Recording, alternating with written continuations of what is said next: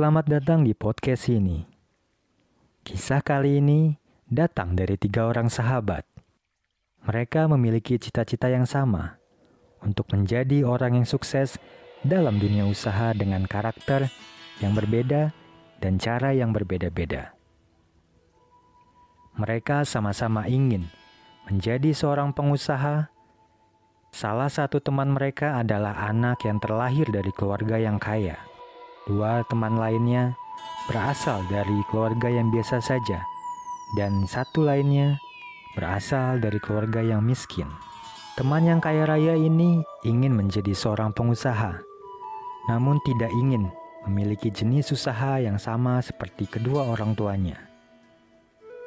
Ia ingin memiliki usaha kuliner, tetapi ia meminta bantuan modal dan bantuan relasi dari kedua orang tuanya untuk mengembangkan usahanya menjadi jauh lebih cepat.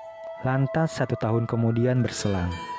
Ternyata usahanya maju, dikenal oleh banyak orang dan sudah memiliki cabang di tiga kota yang besar.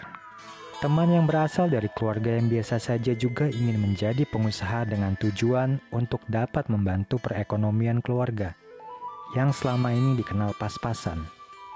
Ia ingin memiliki usaha di bidang fashion ia ingin memiliki usaha di bidang fashion dan meminta bantuan modal dari temannya yang kaya raya tersebut.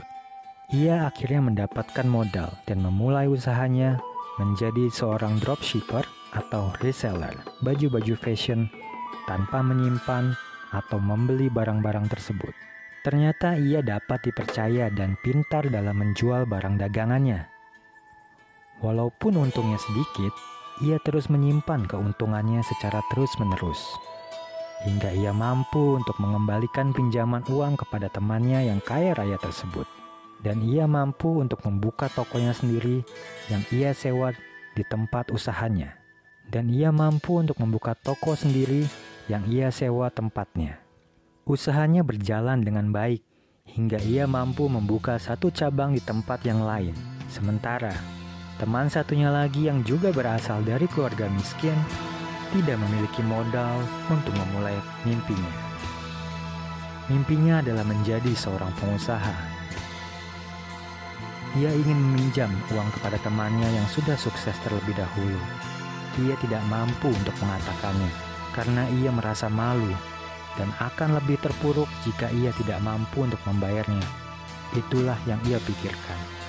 Ia kemudian merenung lalu menemukan hal yang penting dalam dirinya, bahwa ia tidak membutuhkan modal untuk usahanya.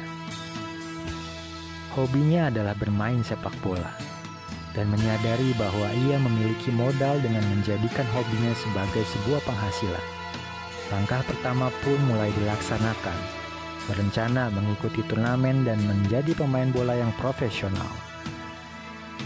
Berbagai macam kompetisi skill individu maupun kompetisi tim dimenangkan olehnya.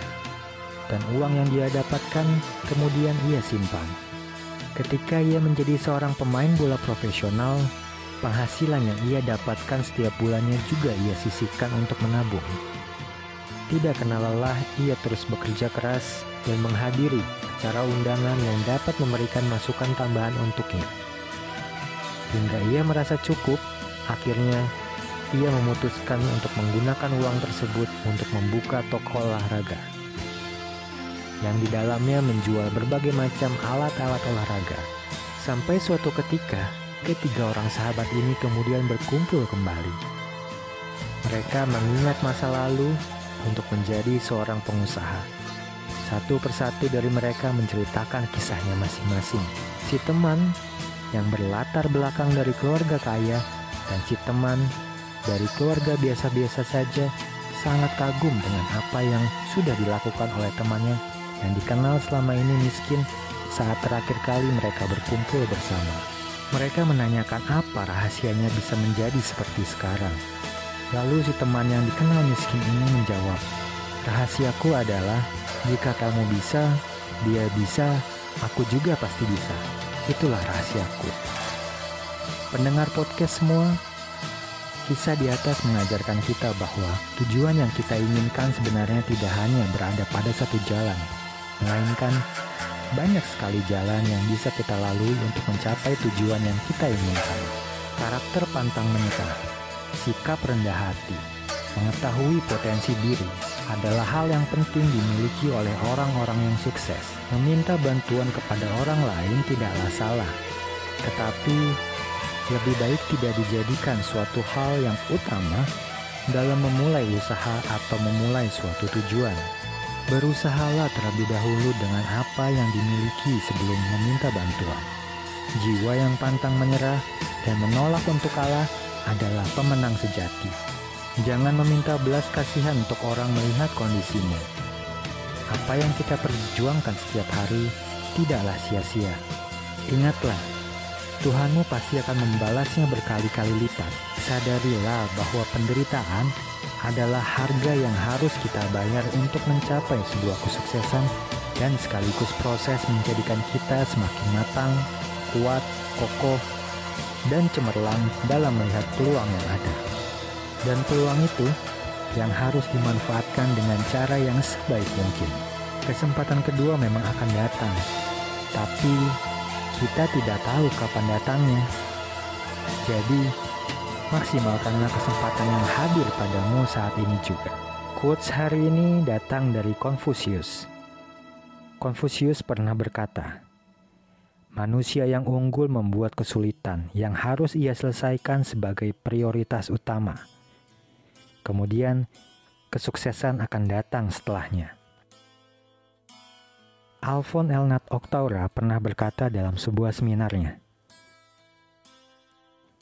Mudah atau tidaknya suatu masalah bergantung seperti apa Anda menyikapi dan meresponnya.